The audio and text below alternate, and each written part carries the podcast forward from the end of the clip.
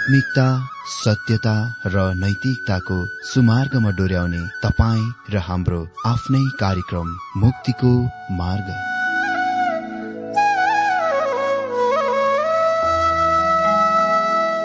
आदरणीय श्रोता यस मुक्तिको मार्ग कार्यक्रममा हार्दिक स्वागत छ। आशा छ यस आत्मिक कार्यक्रमद्वारा जीवनमा आत्मिक आशिष अलौकिक शान्ति र आनन्द प्राप्त गर्नुहुनेछ। र जीवनमा धन्य अनुभव गर्नुहुनेछ। आउनुहोस् श्रोता। मन र आत्माको तयारीको लागि यो मिठो अनि मधुर भजन गीत सुनौ।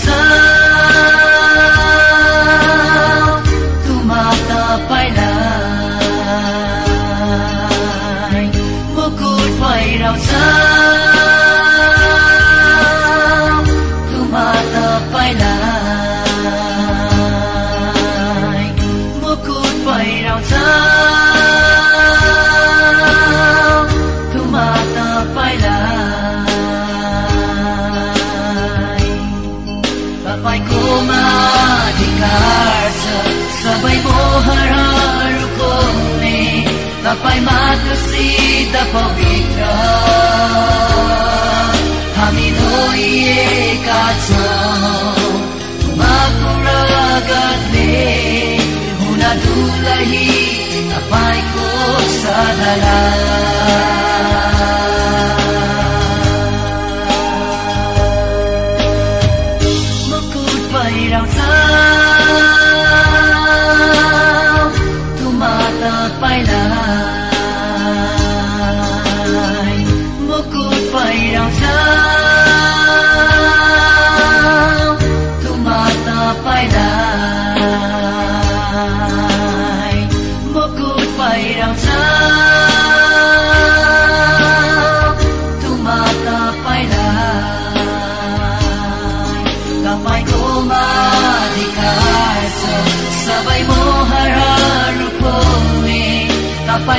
सिद्ध पवित्र।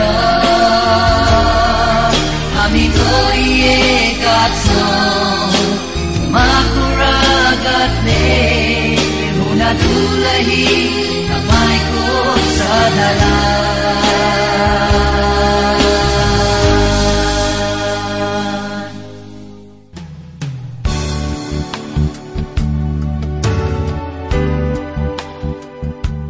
श्रोता यो प्रसारण मार्फत यो अवगत गराउन चाहन्छौ कि प्रभुको सेवाको लागि यहाँहरूको साझेदारी नित्यन्त आवश्यकता छ। यहाँहरूले प्रार्थनाको साथसाथै आर्थिक सहायता गर्न अनुरोध गर्दछौ।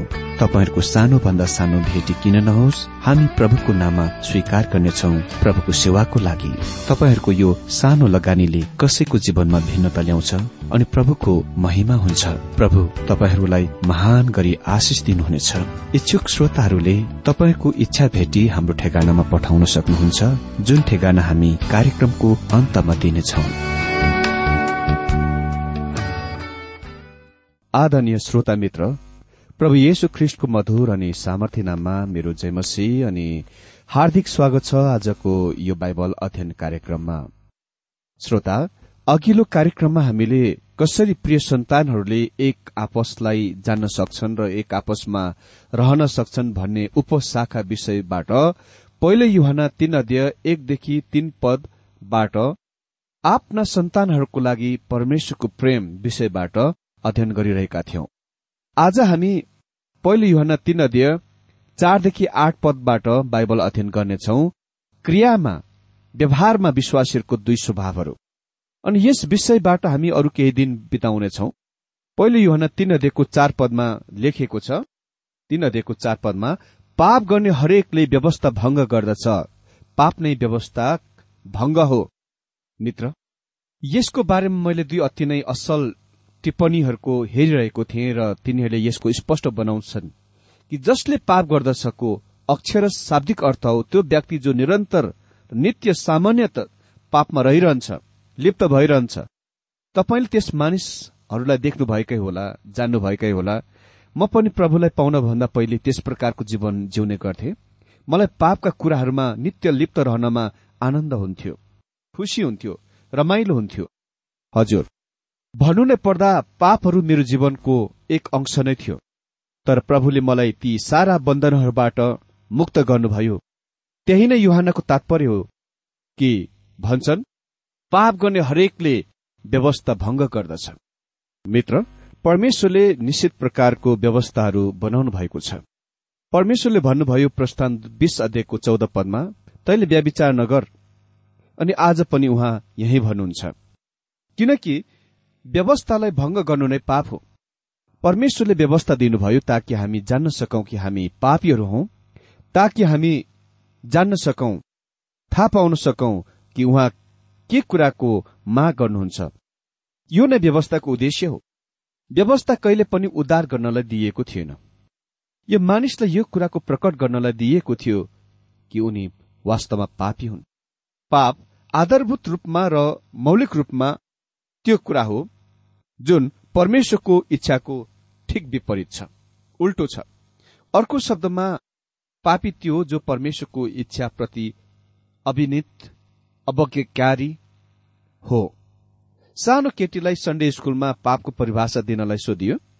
तिनले भने म सोच्दछु पाप कुनै पनि कुरो हो जुन तपाईँ गर्न मन पराउनुहुन्छ। थाहा पाउनुभयो तिनी सत्यबाट त्यति धेरै टाढा दूरीमा थिइनन्। किनभने तपाईँ र मसँग भएका पुरानो स्वभाव परमेश्वरको इच्छाको ठिक विपरीत छ। पाओले त्यसको रोमी आठ अध्ययको पाँच पदमा जोड दिन्छन् किनकि शारीरिक शरीरकै कुराहरूमा मन लगाउँछन् तर आत्मिकहरू आत्माकै कुराहरूमा मन लगाउँछन्। तपाईँ आज कसरी जीवन यापन गर्न गइरहनु भएको छ? शरीरमा वा आत्मामा? पाउल निरन्तर आफ्नो कथनलाई जारी राख्छन्। रोमी आठ अध्ययको छदेखि सात पदमा किनकि शरीरमा मन लगाउनु चाहिँ मृत्यु हो। मृत्यु परमेश्वरबाट अलगाई हो। त्यो नै कुराको बारेमा योहन्ना कुरा गरिरहेका छन्। तपाईँ उहाँसँग संगति गर्न अनि उही समयमा शारीरिक ख्रिस्टियन हुन सक्नुहुन्न। बिल्कुल असम्भव छ। त्यो गर्न सम्भव छैन। आज म धेरै विश्वासीहरूको मुखबाट यो कुरा सुन्ने गर्दछु। ओ म कति धेरै परमेश्वरलाई प्रेम गर्छु। ओ म कति आज्ञाकारी र इमान्दारीपूर्वक उहाँलाई सेवा गरिरहेको छु र उहाँ कति अद्भुत हुनुहुन्छ। ओ को कोही मानिसहरू कति धेरै देखावटीमा आत्मिकी। तर मेरो मित्र तिनीहरू उहाँसँग संगतिमा छैनन्। किनभने शरीरमा मन लगाउनु चाहिँ परमेश्वरसँग दुश्मनी गर्नु हो। किनकि शारीरिक मन परमेश्वरको व्यवस्थाको अधीनतामा छैन किनकि यो हुनै सक्दैन। पाउलले यो स्पष्ट बनाउँछन् कि व्यवस्था दिन भन्दा पहिले त्यहाँ पाप थियो। तर त्यो कुनै अपराध थिएन। यहाँ पहिले यो तीन अध्ययको चार पदमा उल्लेखित कथन जसले पाप गर्दछ व्यवस्थाको भंग पनि गर्दछ। पाउलले अघि रोमी चार अध्ययको पन्ध्र पदमा लेखे जहाँ व्यवस्था छैन त्यहाँ अपराध छैन। तर त्यहाँ पाप थियो किनभने उसले भन्छन्। रोमी पाँच अध्ययको बार पदमा यसकारण जसरी एकजना मानिसद्वारा पाप संसारमा पस्यो र पापद्वारा मृत्यु आयो अनि त्यसरी नै मृत्यु सबै मानिसहरूमा फैलियो किनकि सबैले पाप गरेका छन्। यसको मतलब हामीले आदममा पाप गर्यौं र उसको पाप हाम्रा पाप थिए। रोमी पाँच अध्ययको तेह्र पदमा लेखिएको छ किनकि व्यवस्था आउँजेल संसारमा पाप त थियो तर जहाँ व्यवस्था छैन त्यहाँ पापको हिसाब लाग्दैन। मानिस अझै पापी थियो र परमेश्वरप्रति अवज्ञकारी थियो तैपनि त्यो व्यवस्थाको अपराध वा उल्लङ्घन थिएन किनभने व्यवस्था अहिलेसम्म दिइएको थिएन मानिसलाई। हामी अगाडि रोमीमा पढ्छौं रोमी पाँचको चौध पदमा तरै पनि मृत्युले आदमदेखि मोसासम्म राज्य गर्यो। तिनीहरूमाथि पनि गर्यो जसले आदमको अपराध सर पाप गरेका थिएनन्। यी आदम चाहिँ आउने वालाको छाया हो। तिनीहरूले पाप गर्यो किन? किनभने तिनीहरू पापीहरू थिए। यसैया त्रिपन्न अध्ययको छ पद। हामीसँग प्रत्येक उद्धार नपाएका मानिसहरूको सत्य तस्विर छ। हामी सबै भेडा जै बरालिएका छौं। हामी हरेक आफ्नै बाटोतिर लागेका छौं। र परमप्रभुले उसमाथि हाम्रो सबै अधर्म हालिदिनुभयो। प्रत्येक आफ्नै बाटोतिर लागेका छन्। ती तीन शब्दहरूले हाम्रा कथाको बताउँछ आफ्नै बाटोतिर। तपाईँको समस्या के हो? तपाईँको समस्या के हो? मेरो समस्या के हो? हामी आफ्नै बाटो आफ्नै चालको पाउन चाहन्छौ। कोक्रोमा सानो बच्चा जोड जोडले चिच्याउँछ। त्यो सानो बच्चासँग सत्यमा समस्या मामला के हो त? त्यो आफ्नै बाटोको आफ्नै चालको चाहन्छ? हामी त्यो स्वभावमा जन्मेका छौं। त्यो स्वभाव जुन परमेश्वरको विरुद्धमा विद्रोहमा छ। मैले अंग्रेजीमा हेराटियस बर्नारद्वारा लिखित म भौतारी जाने भेडा शीर्षकको कविता विचार गरिरहेको थिएँ। जुन यस प्रकार छ। म भौतारी रहेको भेडा थिएँ।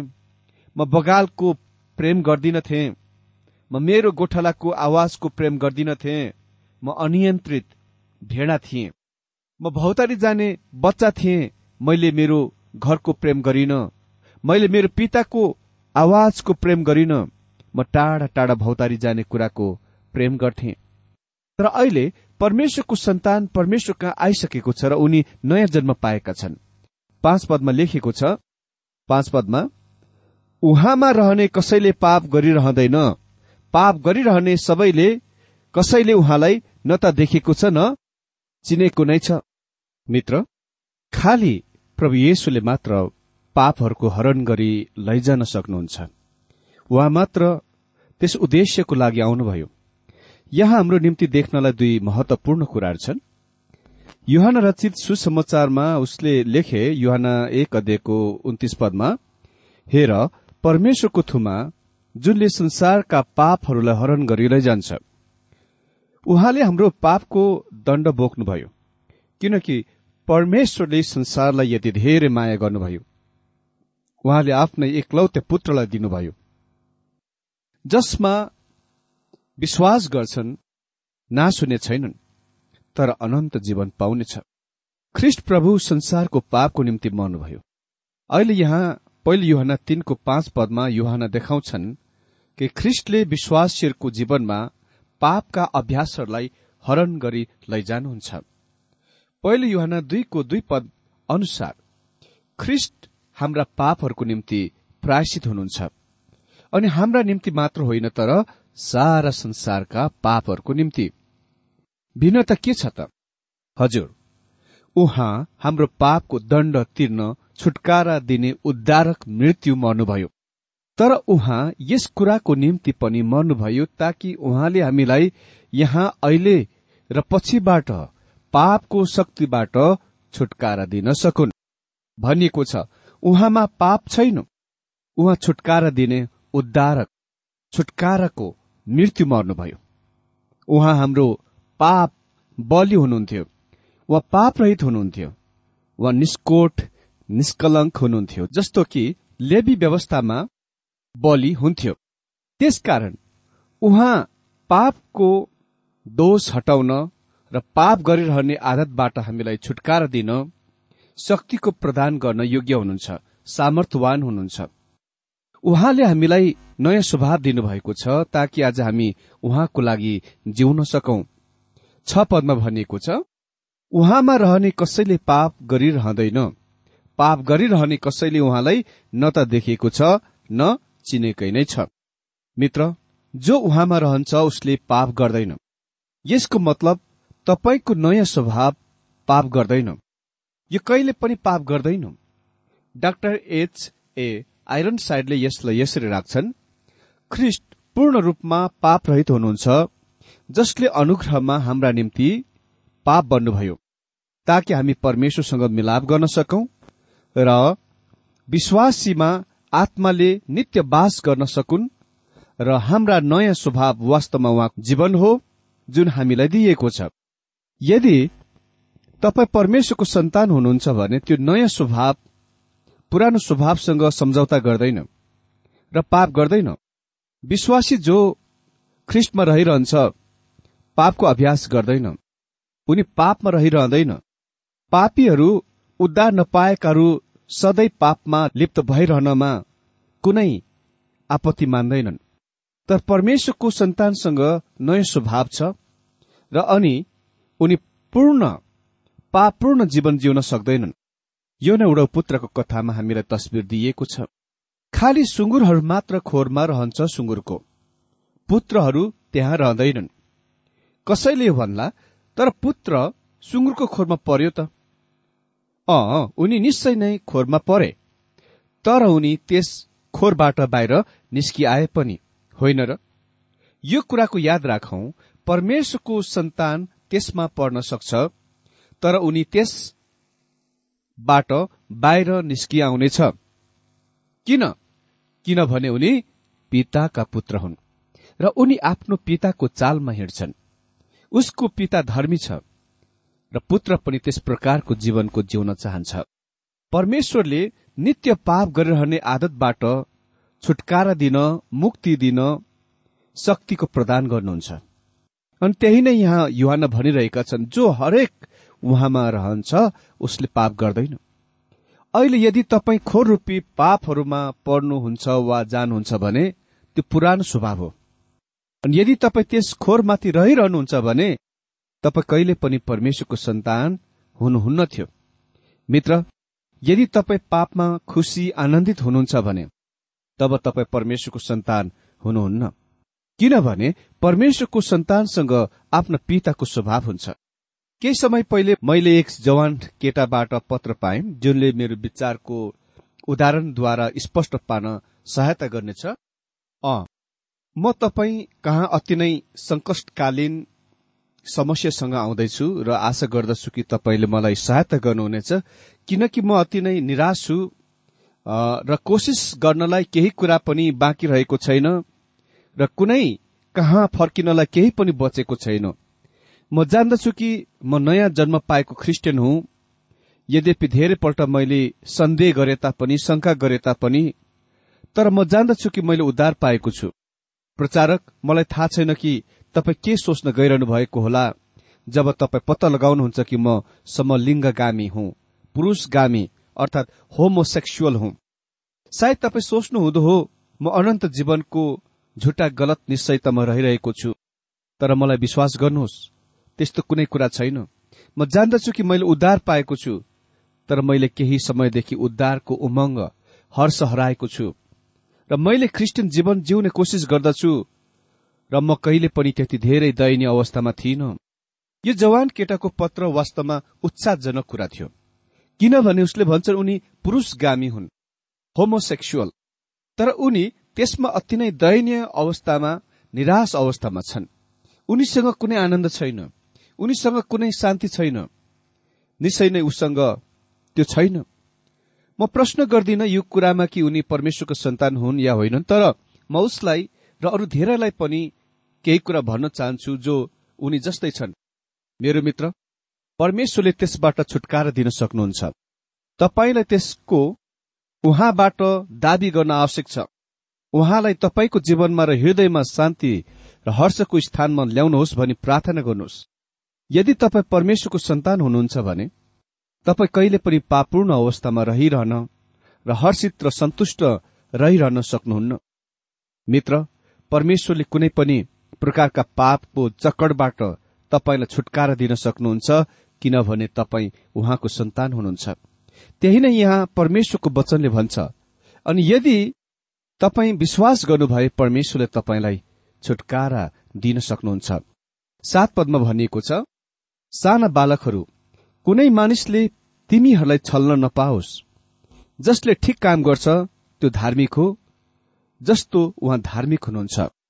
साना नानीहरू युहानले ती मानिसहरूसँग बोलिरहेका छन् जो परमेश्वरका सन्तानहरू हुन् परमेश्वरका नानीहरू हुन्।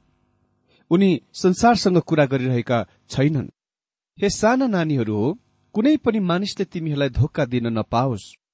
जसले धार्मिक काम गर्दछ ऊ धर्मी हो जसरी उहाँ पनि धर्मी हुनुहुन्छ।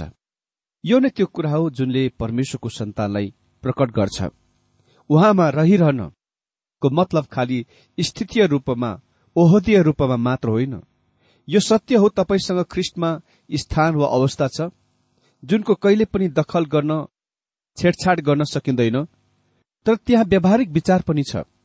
यदि तपाईँ उहाँमा र उहाँको संगतिमा र उहाँको सेवामा रहिरहनु भएको छ भने पापहरूको त्याग गर्नै पर्छ।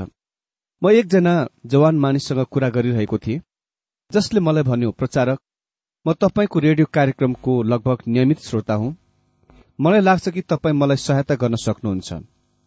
म मतवाला जडिया मादक पदार्थ सेवामा अभ्यस्त मानिस हुँ। मैले ख्रिस्टलाई धेरै साल पहिले ग्रहण गरे। त्यसपछि धेरै लामो समयसम्म मैले कुनै जाँडक्सी हुस्की रमहरू पिइन। तर फेरि मैले केही समय पहिलेदेखि यसमा आफैलाई पाएँ। मैले आफैले यस पुरानो आदतमा फँसेको भेटाएँ। म आफैलाई घृणा गर्छु। यो जवान मानिस हेर्दा रूपमा अति नै रूपवान थिए। अनि उनी अति नै ठूलो ओहदा सरकारी मुख्य कार्यकारिणी अधिकारी थिए। अनि जब उनी मसँग आफ्नो बारेमा कुरा गरिरहेको बेला धुरु धुरु रुन लागे। उसले भन्यो म जान्दछु कि? अन्त्यमा यसले मेरो नोकरीमा प्रभाव पार्नेछ। यदि मैले यो आदतमा निरन्तर फसिरहे भने म यसको सेवन गर्न चाहन्न किनभने म परमेश्वरको सन्तान हो। अनि मलाई यो नभन्नुहोस् म परमेश्वरको सन्तान होइन। किनभने मैले ख्रिस्टलाई ग्रहण गरेको छु। म तपाईँ कहाँ सयौं मिल टाढाबाट आएको छु ताकि म तपाईँलाई यो प्रश्न सोध्न सकौं के मेरो निम्ति कुनै छुटकारा छ? मैले उसलाई भने त्यहाँ निश्चय नै छ। यदि उससँग पिताको स्वभाव छ भने परमेश्वरले उसलाई उसको पापमा खुसी हुन र सन्तुष्ट हुन दिनुहुन्न। यो बेखुसी बेहर्षित जवान मानिस थिए। अति नै धेरै बेखुसी अशान्तिको मानिस। मैले उसलाई भने मित्र प्रत्येक समय जब तिमी गिर्छौ आफ्नो स्वर्गीय पिता कहाँ जाऊ? र तिमीले गरेका कुराहरू उहाँलाई बताओ। उहाँलाई भन कि तिमी उसलाई फेरि अनादर गर्न चाहँदैनौ। प्रभुलाई अनादर गर्न चाहँदैनौ। त्यो दिन आउनेछ जब उहाँले तिमीलाई छुटकारा दिनुहुनेछ। अनि परमेश्वरले निश्चय नै कुनै पनि पापहरूको जकटबाट छुटकारा दिनुहुन्छ। आठ पदमा भनिएको छ जसले पाप गर्छ त्यो दियाबलसको हो। किनकि दियाबलस त शुरूदेखि नै पाप गर्दै आएको छ। दियाबलसका कामहरू नष्ट पार्नलाई नै परमेश्वरको पुत्र प्रकट हुनुभएको हो। जसले पाप गर्छ त्यो दियाबलस अर्थात शैतानबाटको। हामीले यो कुराको थाहा पाउन आवश्यक छ कि शैतान सम्पूर्ण पापको स्रोत हो। त्यो नै एक हो जो संसारमा पाप ल्याउने कुरामा जवाब दिएछ। त्यो नै एक हो जसले हाम्रा प्रथम पितालाई मातालाई पापमा डोर्यायो। अनि आज तपाईँ र मसँग भएको पापपूर्ण स्वभावको कारण शैतानको कारणले हो। जसले पाप गर्छ त्यो शैतानबाटको हो। यो कुराको याद राख्नुहोस् जब येसुले आफ्ना दिनका धार्मिक अगुवाहरूलाई भन्नुभयो युहान आठको चौवालिसमा तिमीहरू आफ्ना पिता शैतानबाटको हौ अनि आफ्नै पिताका कुई इच्छाहरू पूरा गर्न चाहन्छौ। चाखलाग्दो कुरा यो छ कि हामी आफ्नो पितालाई पछ्याउँछौ। यदि तपाईँको पिता शैतान हो भने तब तपाईँ त्यो जस्तै व्यवहार गर्न क्रिया गर्नुहुनेछ। यदि तपाईँको पिता हाम्रो स्वर्गीय पिता हुनुहुन्छ भने तब तपाईँसँग उहाँको स्वभाव छ र तपाईँ उहाँ जस्तो व्यवहार गर्न र क्रिया गर्न गइरहनु भएको छ। किनकि सैतानले शुरूदेखि नै पाप गर्दै आएको छ मतलब त्यो पहिले शुरूदेखि नै परमेश्वरको विद्रोहमा रहेको छ। अनि अर्को कुरा भन्छन् शैतानका कामहरू नष्ट पार्नलाई नै परमेश्वरको पुत्र येशु ख्रिस्ट प्रकट हुनुभयो। खालि येशु ख्रिस्टले मात्र तपाईँलाई छुटकारा दिन सक्नुहुन्छ मित्र। उहाँ कहाँ जानुहोस्। म कहाँ नआउनुहोस् किनभने म सहायता गर्न सक्दिन। अनि अरू कसैले पनि सहायता गर्न सक्दैन। तर उहाँले सक्नुहुन्छ। उहाँ महान वैद्य हुनुहुन्छ र म तपाईँलाई आफ्ना समस्याहरूसँग उहाँ कहाँ जान आग्रह गर्दछु। प्रभु येशु संसारको पापको लागि मर्नुभयो। बत्तीसमा दिने युहानले भने युहान एकको उन्तिस पदमा हेर परमेश्वरको थुमा जुनले संसारका पापहरू उठै लैजानुहुन्छ। उहाँले पापको दण्डको हरण गरी लैजानुभयो। तपाईँले ख्रिस्टलाई विश्वास गर्नुभएकोले गर्दा तपाईँका पापहरू तपाईँका पछाडि छन्। र तपाईँ उहाँमा बचाइनु भएको छ उद्धार गरिनु भएको छ। तपाईँको उद्धारको सम्बन्धमा तपाईँका पापहरू फेरि कहिले पनि सामने ल्याइने छैनन् किनभने तपाईँले उहाँलाई विश्वास गर्नुभएको छ। तर युहानले हामीलाई यहाँ भन्छन् प्रभु येसुले खालि हाम्रा पापहरूको मात्र हरण गरी लैजानु भएन तर उहाँले हाम्रा पापहरूको अन्त गर्नलाई प्रकट हुनुभयो। उहाँ पापरहित हुनुहुन्थ्यो। उहाँसँग पाप स्वभाव थिएन। हिब्रू सात अध्ययको छब्बीस पदले भन्छ किनकि हाम्रा निम्ति यस्तै महापुजारी उचित थियो जो पवित्र हानिरहित निष्कलङ पापीहरूबाट अलग हुनुभएको हुनुहुन्छ। तर उहाँ मानिस हुनुहुन्थ्यो र उहाँ हाम्रा पाप बलिको रूपमा मर्नुभयो। हाम्रो पापहरूको लागि दण्डको ज्याला तिर्नुभयो। तर युहानले पछाडि पद पाँचमा यो पनि भन्छन् कि उहाँ हाम्रा पापहरूलाई हरण गर्नलाई प्रकट हुनुभयो। मतलब उहाँ सम्पूर्ण विश्वासीहरूका पापहरूलाई हरण गर्न प्रकट हुनु भयो अर्को शब्दमा तपाईँ र मेरो लागि क्रिस्चियन जीवन जिउन यसको सम्भव बनाउनु भयो यसले हामीलाई पद चारदेखि चौबिस पदबाटको यो खण्डको विषयतिर ल्याउँछ कि प्रत्येक विश्वासीसँग दुई स्वभावहरू छन्। त्यसकै बारेमा पाउल रोमी सात अध्यायमा विस्तृत रूपमा कुरा गर्छन्। उसले भन्छन् रोमी सातको उन्नाइसमा किनकि जुन कुरा असल छ म चाहन्छु त्यो पनि गर्दिन तर जुन खराब कुरा छ म चाहदिन त्यही म गर्दछु। नयाँ स्वभाव असल गर्न इच्छा गर्छ तर पुरानो स्वभाव सधैँ खराब गर्न इच्छा गर्दछ। पुरानो स्वभावले परमेश्वरलाई सेवा गर्ने छैन त्यो परमेश्वरको विरूद्ध विद्रोहमा छ। पाउले निरन्तर अगाडि यसरी लेख्छन् रोमी आठको सातदेखि आठमा किनभने शरीरमा मन लगाउनु चाहिँ परमेश्वरसँग दुश्मनी गर्नु हो किनकि शारीरिक मन परमेश्वरको व्यवस्थाको अधीनतामा छैन किनकि यो हुन सक्दैन। यसकारण जो शरीरमा छन् तिनीहरूले परमेश्वरलाई खुशी पार्न सक्दैनन्। जबसम्म तपाईँ नयाँ जन्म पाउनुहुन्न तपाईँ परमेश्वरलाई प्रसन्न गर्न सक्नुहुन्न। रोमी सातको नौ पदमा पाउ लेख्छन्। तर साँच्चै परमेश्वरको आत्मा तिमीहरूभित्र बास गर्नुहुन्छ भने तिमीहरू शरीरमा छैनौ तर आत्मामा हौ। तर कुनै मानिससँग ख्रिस्टको आत्मा हुनुहुन्न भने त्यो उहाँको होइन। मित्र म स्पष्ट हुन चाहन्छु कि हामी नयाँ जन्म पाएका विश्वासीहरूको बारेमा कुरा गरिरहेका छौं। हामी ओठे बोक्रे ख्रिस्टियनहरूको बारेमा कुरा गरिरहेका छैनौं। हामी मण्डली सदस्यहरूको बारेमा कुरा गरिरहेका छैनौं जो खालि उद्धार नपाइकन बत्तीसमा मात्र लिएका छन्। हामी तिनीहरूको बारेमा कुरा गरिरहेका छैनौं जो खालि केही ख्रिस्टन धर्मविधि धार्मिक कृत्यमा भएर गइरहेका छन्। हामी तिनीहरूको बारेमा कुरा गरिरहेका छौं जो नयाँ जन्म पाएका छन्। प्रभु येशु शैतानका कामहरूलाई नष्ट गर्न र परमेश्वरको लागि जिउनलाई तपाईँ र मेरो निम्ति सम्भव बनाउन प्रकट हुनुभयो।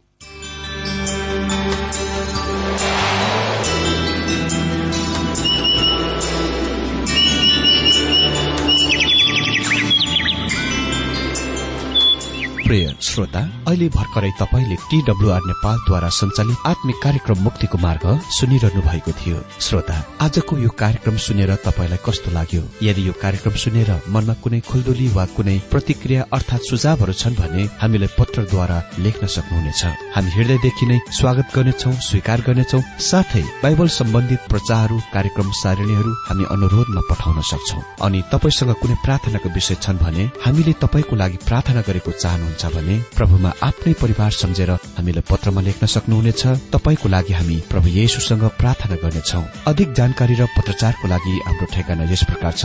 कार्यक्रम मुक्तिको मार्ग जीपीओ नम्बर उनानब्बे पचहत्तर इपिसी पच्चिस एकसठी काठमाडौँ। ठेगाना एकपल्ट सुन्नुहोला। कार्यक्रम मुक्तिको मार्ग जीपीओ नम्बर उनानब्बे पचहत्तर इपिसी पच्चिस एकसठी काठमाडौँ। हाम्रो इमेल एड्रेस हो TWR Nepal at dot com. साथै यस नम्बरमा एसएमएस गर्न सक्नु सक्नुहुनेछ अन्ठानब्बे चार सत्तरी पैतिस छ सय उनासी नौ आठ चार सात जिरो तीन पाँच छ सात नौ। हुन्छ श्रोता आजलाई हामी विदा चाहन्छौ। अर्को कार्यक्रममा हामी पुनः भेट्नेछौ तबसम्मलाई नमस्कार।